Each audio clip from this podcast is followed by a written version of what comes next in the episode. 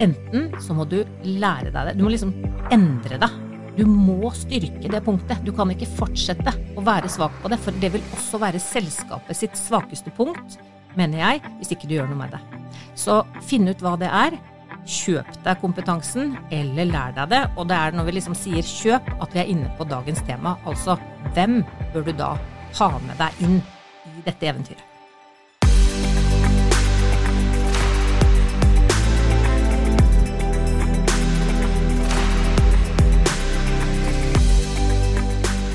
Du lytter på Impactpodden, en podkast om gründere og sosialt entreprenørskap. Podkasten presenteres av Ferd sosiale entreprenører, og jeg er Katinka Greve Leiner. I den forrige episoden av Impactpodden så var vi med deg på å sende inn skjema for etableringen din, og du har faktisk turt å realisere drømmen. Jeg har liksom gjort det, og nå sitter du da med etablert selskap. Og har du ikke gjort det sånn i virkeligheten, så forestill deg at du har kommet deg dit. Du har faktisk etablert noe, og så blir da det store spørsmålet hvordan skal du egentlig få alt det innholdet inn i selskapet som du nå har forestilt deg? Så i dag så skal vi snakke om det å bygge teamet rundt deg. Hvordan får du på plass alle de menneskene som skal til for å lykkes? Og kanskje til og med gå dit at du skal etablere et ordentlig styre.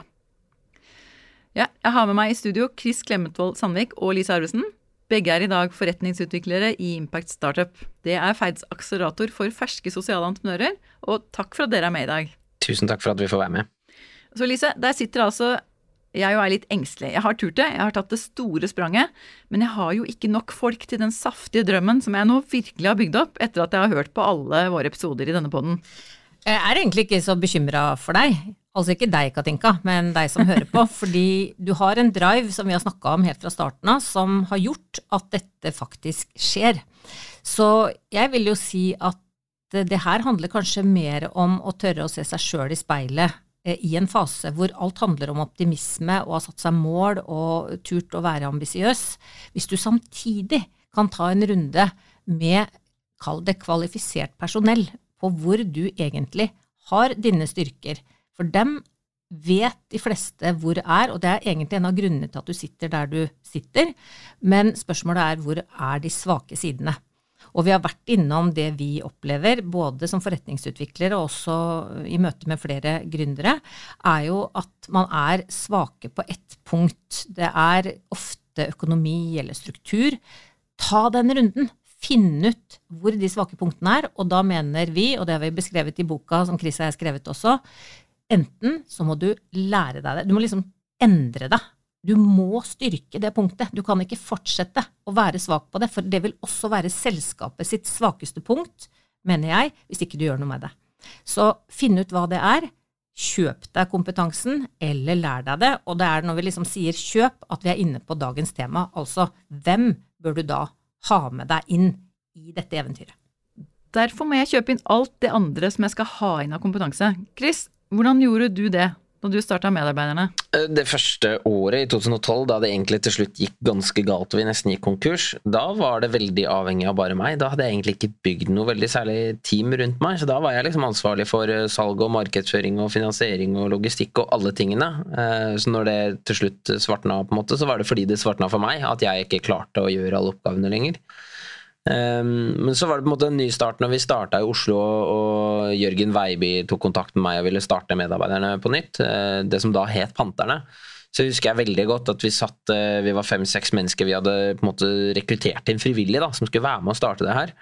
Og da var det en som uh, så på meg og, og sa det at ja, men navnet, Panterne, det er egentlig et dårlig navn. Og da kikka alle på meg og var sånn eh, nesten i ærefrykt for hvordan, eller sånn redsel for hvordan jeg ville reagere, fordi jeg hadde så eierskap til hele ideen og konseptet. Men da gikk jeg meg sjøl og tenkte at ok, nå skal jeg høre på det de folka her sier, og så spurte jeg hvorfor det var et dårlig navn, og så var jeg egentlig ganske enig i det som ble sagt. Og da slapp jeg for første gang opp for at noen andre kunne være med å bestemme, og da hadde vi en prosess som førte fram til navnet Medarbeiderne. Og det har liksom gjort at jeg etter hvert har kunnet slippe opp mer og mer, og jeg har invitert Stina, som har vært styreleder hele veien, med inn på eiersida eh, for 75 kroner, symbolsk sum, for jeg ser at vi tar bedre beslutninger sammen enn det jeg eh, gjorde alene. Og jeg har klart å gi fra meg masse beslutninger til både ansatte og til styret, sånn at det er liksom ikke lenger bare avhengig av meg. Eh, og det tror jeg er ganske krevende for mange gründere, for jeg er liksom av person sånn jeg er veldig som primus motor, og så vil bestemme selv. Men når du satt der da, og gjorde alle disse oppgavene, fra programmering til å skaffe traller og you name it, kunne du alle disse tingene sånn over natta? Nei, men jeg er en sånn fyr som liker å lære meg nye ting. Altså, igjen så er det jo tilbake på det, det er noe jeg det syns er gøy med gründerskap, at man må lære seg helt nye ting. Uh, men det er klart, jeg fikk jo også hjelp da, og, og kjøpte tjenester. Jeg hadde regnskapstjenester, og vi hadde en student som lagde lagde programvaren vår, og vi hadde en annen student som uh, gjorde tjenestedesignarbeid. Og, og, og, så bygde jeg en liste uh, over kontakter som hadde peiling på forskjellige ting. Uh, du sto på den lista, Katinka, som på en måte aktuell som finansiør, og, og, mange mange andre som kunne ting om rus, og som kunne ting om logistikk, og som kunne ting om avfall, og alle de tingene vi måtte kunne om. da. Det, og det å ha den lista og ha mennesker jeg kunne ringe til for å stille alle de spørsmålene, det var helt avgjørende. Så du samlet rett og slett gode folk?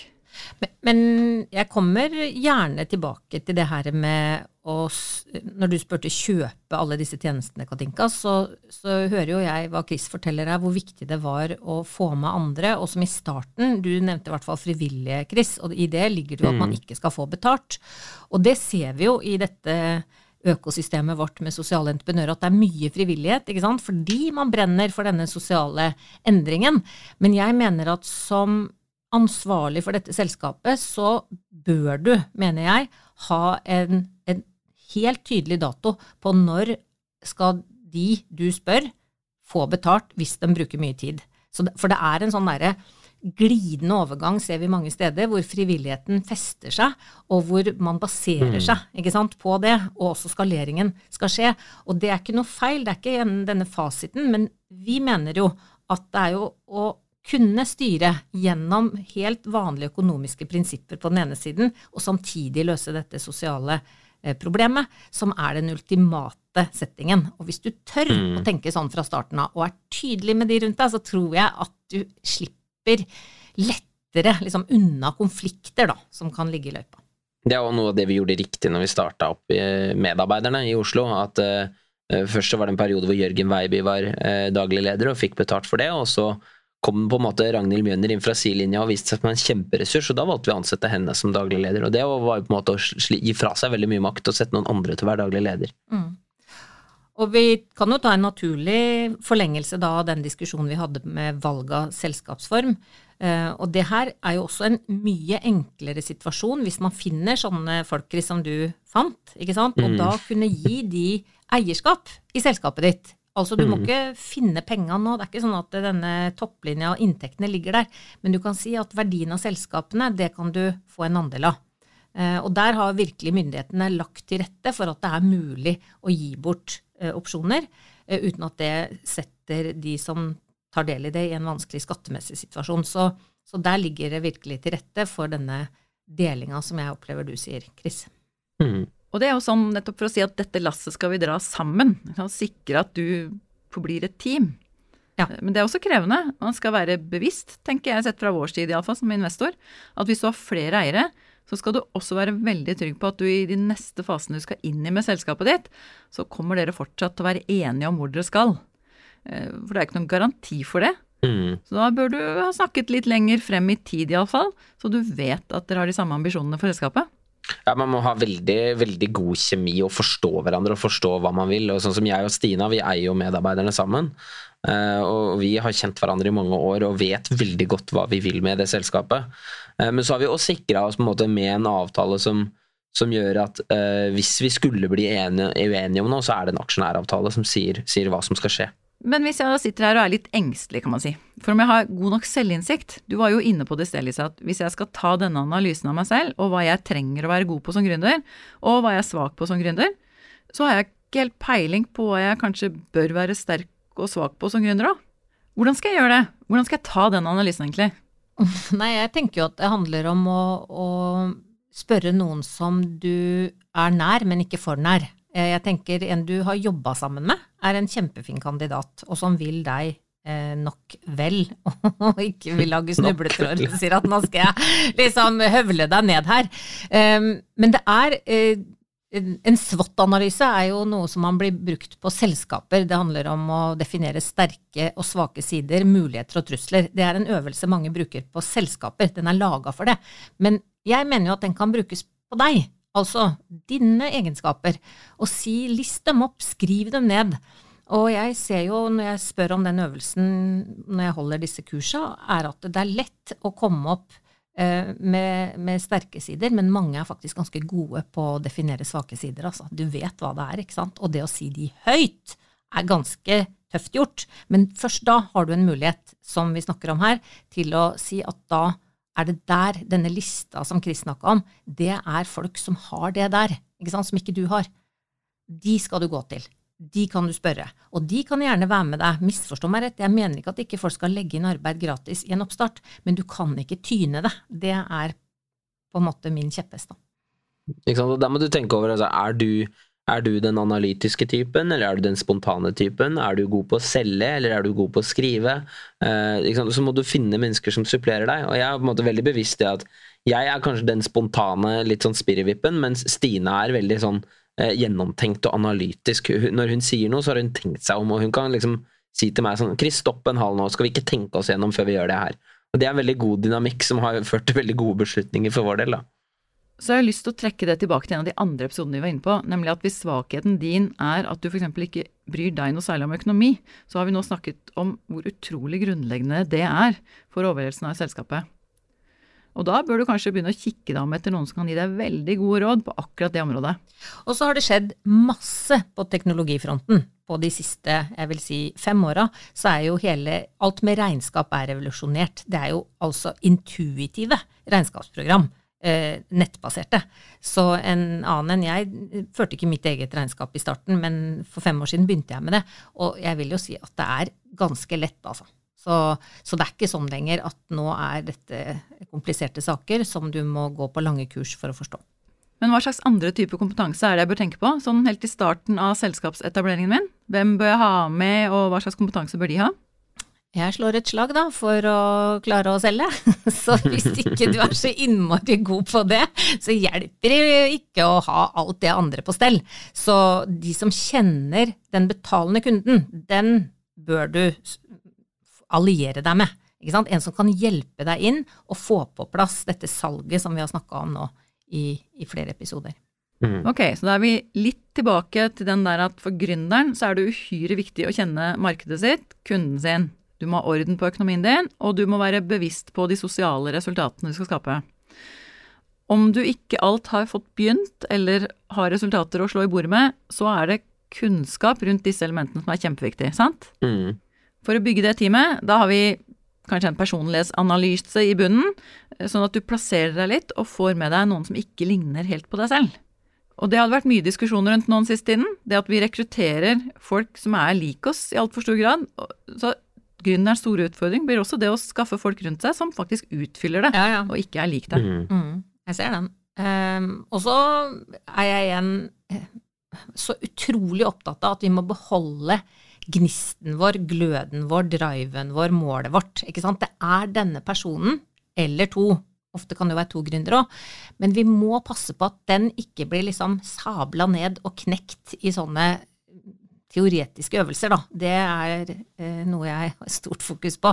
Så ja, personlighetstester kan sikkert funke, men vi må ikke glemme at i den fasen vi er nå, hvor vi skal i gang, vi skal skape eh, inntekter og salg, så handler jo det operative om nettopp det. Så du må liksom nå skyve vekk noe av dette teoretiske, og så bare gjøre det. Vi har jo snakka om det å gå fra ord til handling. Og det er en avgjørende periode du er i akkurat nå.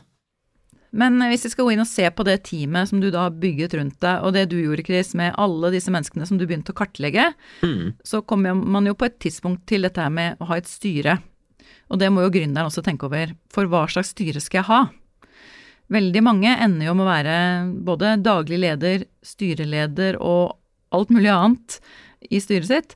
Men det mm. å få på plass et profesjonelt styre, det er jo noe av det som investorer som oss veldig ofte kikker etter. Har du mm. den gruppen med mennesker, et styre, som kan være med deg for å sikre at selskapet utvikler seg riktig vei? Når syns dere at jeg som gründer bør begynne å tenke på dette her? Jeg tenker du bør tenke på det i det du etablerer, med en gang du etablerer. Fordi eh, For meg så har det vært veldig nyttig å ha med et styre helt fra starten av. Jeg ble kalt inn på teppet til en hotelldirektør i Trondheim som hadde lest i avisa om det jeg skulle starte, og han spurte om han kunne hjelpe meg, og da sa jeg at jeg trenger noen til å sitte i styret. Og I tillegg til han som da hadde erfaring med å drive selskap, så fikk jeg med meg en fra Wayback som kunne masse om rus. Og jeg fikk med meg Heidi Wang som uh, er sosialentreprenør og kunne masse om etablering. Som at det er en sånn uh, trøndersk utgave av Lise, om jeg får si det. Uh, og, og, og, så hadde jeg med meg Stina, som var veldig god på å lede møtene, og som hadde masse organisasjonserfaring. Og da hadde jeg på en måte en, en bukett med mennesker som kunne alle de tingene vi trengte for å få gjort alt riktig, uh, og som jeg møtte seks ganger i året. Uh, og så, så, vet jeg Lise har noen perspektiver på det med, med ansvaret som ligger i det å sitte i et styre. Ja, fordi det her er jo en, et veldig sånn godt eksempel på noe som fungerte bra. Men jeg har jo også kikka inn i styrer hvor styrene faktisk blir det som stopper opp prosessen, hvis du skal være litt vanskelig. Og det er fordi det kommer, som du sier, Chris, et sett av ansvar, og ikke, ikke, minst økonomisk ansvar, i det øyeblikket du setter foten din inn i det styret. Og det snakker vi veldig ofte lite om da, på forhånd at uh, når du takker ja til et styreverv, så er du også økonomisk ansvarlig. Og så er det jo sånn at uh, du blir ikke det fordi en deal går dårlig. Men det å avklare, jeg er veldig på denne avklaringsfasen. Vær du som gründer tydelig på hva du ber om. Når du ber noen om å sette seg i styret, så er det dette økonomiske aspektet.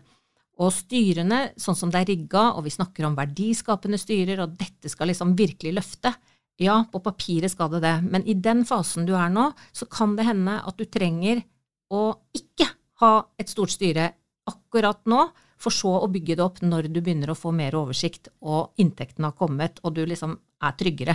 For ellers er det så mange formaliteter rundt disse styremøtene at det kan ta kverken på enhver. Jeg har lyst til å legge til at jeg følger deg veldig, Lise, på det at et styre er økonomisk ansvarlig. Og det gjør også at de merker at hvis jeg er inne i en sosialentreprenør, hvis det begynner å gå dårlig økonomisk, man sliter, og man ikke får til det man hadde tenkt seg sånn Hvis da gründer ikke kan økonomi særlig, og ikke har god kontroll, sånn at styret føler at de ikke får god nok innsikt, da blir det slitsomt. Samtidig så tenker jeg at hvis du som gründer klarer å være tydelig på hvordan ting går, du leverer tall, du har innsikt for styret ditt, da har du også mulighet til å få et trygt og godt og konstruktivt styre. Mm. Da opplever jeg ofte at man får de andre diskusjonene, eh, de som er mer konstruktive, faglige kanskje, som Chris var inne på, eh, hvor du virkelig får verdien av et kompetent styre. Så ja, jeg ser den litt, den varskoplakaten som du egentlig trekker opp her. Ja, fordi jeg, ta, jeg, tror jeg tar gründerens perspektiv 100 ikke sant? i det her. Jeg tar ikke investorenes perspektiv. Jeg tar gründerens i den følelsen av at du nok en gang skal rapportere eller gjøre flere oppgaver og forklare det som har skjedd. For det er det styrene fort og må være opptatt av, er jo hva som har skjedd siste fire ukene, siste kvartal. ikke sant? Så det å løfte det over til fremtidsaspektet og hva skjer framover, og hvordan kan dette være et aktivt eh, bidragsytende styre, der tenker jeg det setter kjempekrav til de som stiller seg til rådighet, at det er der de både har lyst til å være og tør å være, for å si det sånn. Ja, også det å sette opp styrer som gir gründer veldig god kunnskap. Tenk f.eks. at du har styremedlemmer som ikke heller tar seg betalt da, for å være styremedlem. Du kan få inn en knakende god jurist, f.eks. Eh, det har gitt mye til mange oppstartsselskaper. sånn at her er det litt for og moter. Eh, men det betyr kanskje at du ikke bør lage et for ambisiøst styre da, i starten. Ikke for stort, ikke for komplekst for deg. Eh, prøv å balansere det med hvor du er som gründer, og, og hvilken fase du er i, og hva du trenger. Um, og da bør du være sikker på at det gir deg mer enn det krever av deg. Men det blir nok både å gi og ta i forhold til et styre. Men da skal vi faktisk prøve å runde av, vi, på dette punktet vårt i dag som har vært litt drodling rundt. Hvordan bygger du teamet ditt? Pass på at du ikke er alene, du kan ikke alt selv, og du kan ikke gjøre alt selv. Kjempeviktig som pekefinger her fra Lise og Chris. Og så må du finne deg et miljø, du må finne noen folk rundt deg, kanskje et sted du kan sitte hvor det er andre gründere, eller noen som brenner for det samme tingene som deg, som du har noen å spille på. Og hvis du skal få noe av noen, så må du også klare å gi noe tilbake til noen. Um, dere har vært inne på her at du må klare å balansere. For da, du bør helst få mennesker som liker å jobbe med det, og som får noe ut av det. Vi skal ha det like gøy som deg på reisen, vi som eh, støtter opp om det. Så med det tenker jeg at vi har drodlet litt rundt den utfordringen du nå står overfor der ute.